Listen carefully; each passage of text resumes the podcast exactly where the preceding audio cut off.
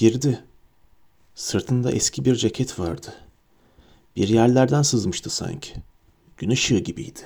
Sarışındı. Önce bir süre kapının önünde durdu, durdu. Gölgelendi, inceldi. Beni gördü. Pek önemsemedim. Zayıftı, kirliydi, içkiliydi. Pek önemsemedim. Baktı, hiç konuşmadı. Oysa bir İsa tasviri gibi uçumluydu, güzeldi. Yer gösterdim, oturmadı. Bir sigara yaktım, ona da verdim. Aldı, sigarasını ben yaktım. Kısa bir gülümseme yürüdü dudaklarından. Benim dudaklarıma da geçti. Çocuklar gibi kızardım. Öteki kızlar gülüştüler. Ben kendimi sevdim, güvendim. Saçlarımı düzelttim, göğsümü biraz kapadım.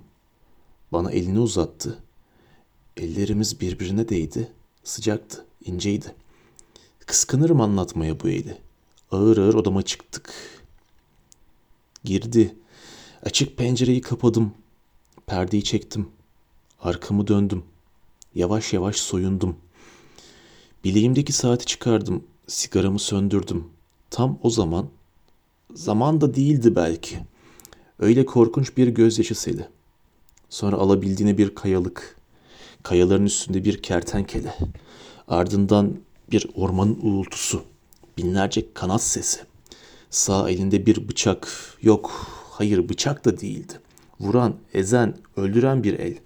Ve eller ve dişler. Kendimden geçtim. Bir daha gelmedi, hayır. Bir daha hiç gelmedi. Ama onunla ben ne zaman istedimse o zaman yattım.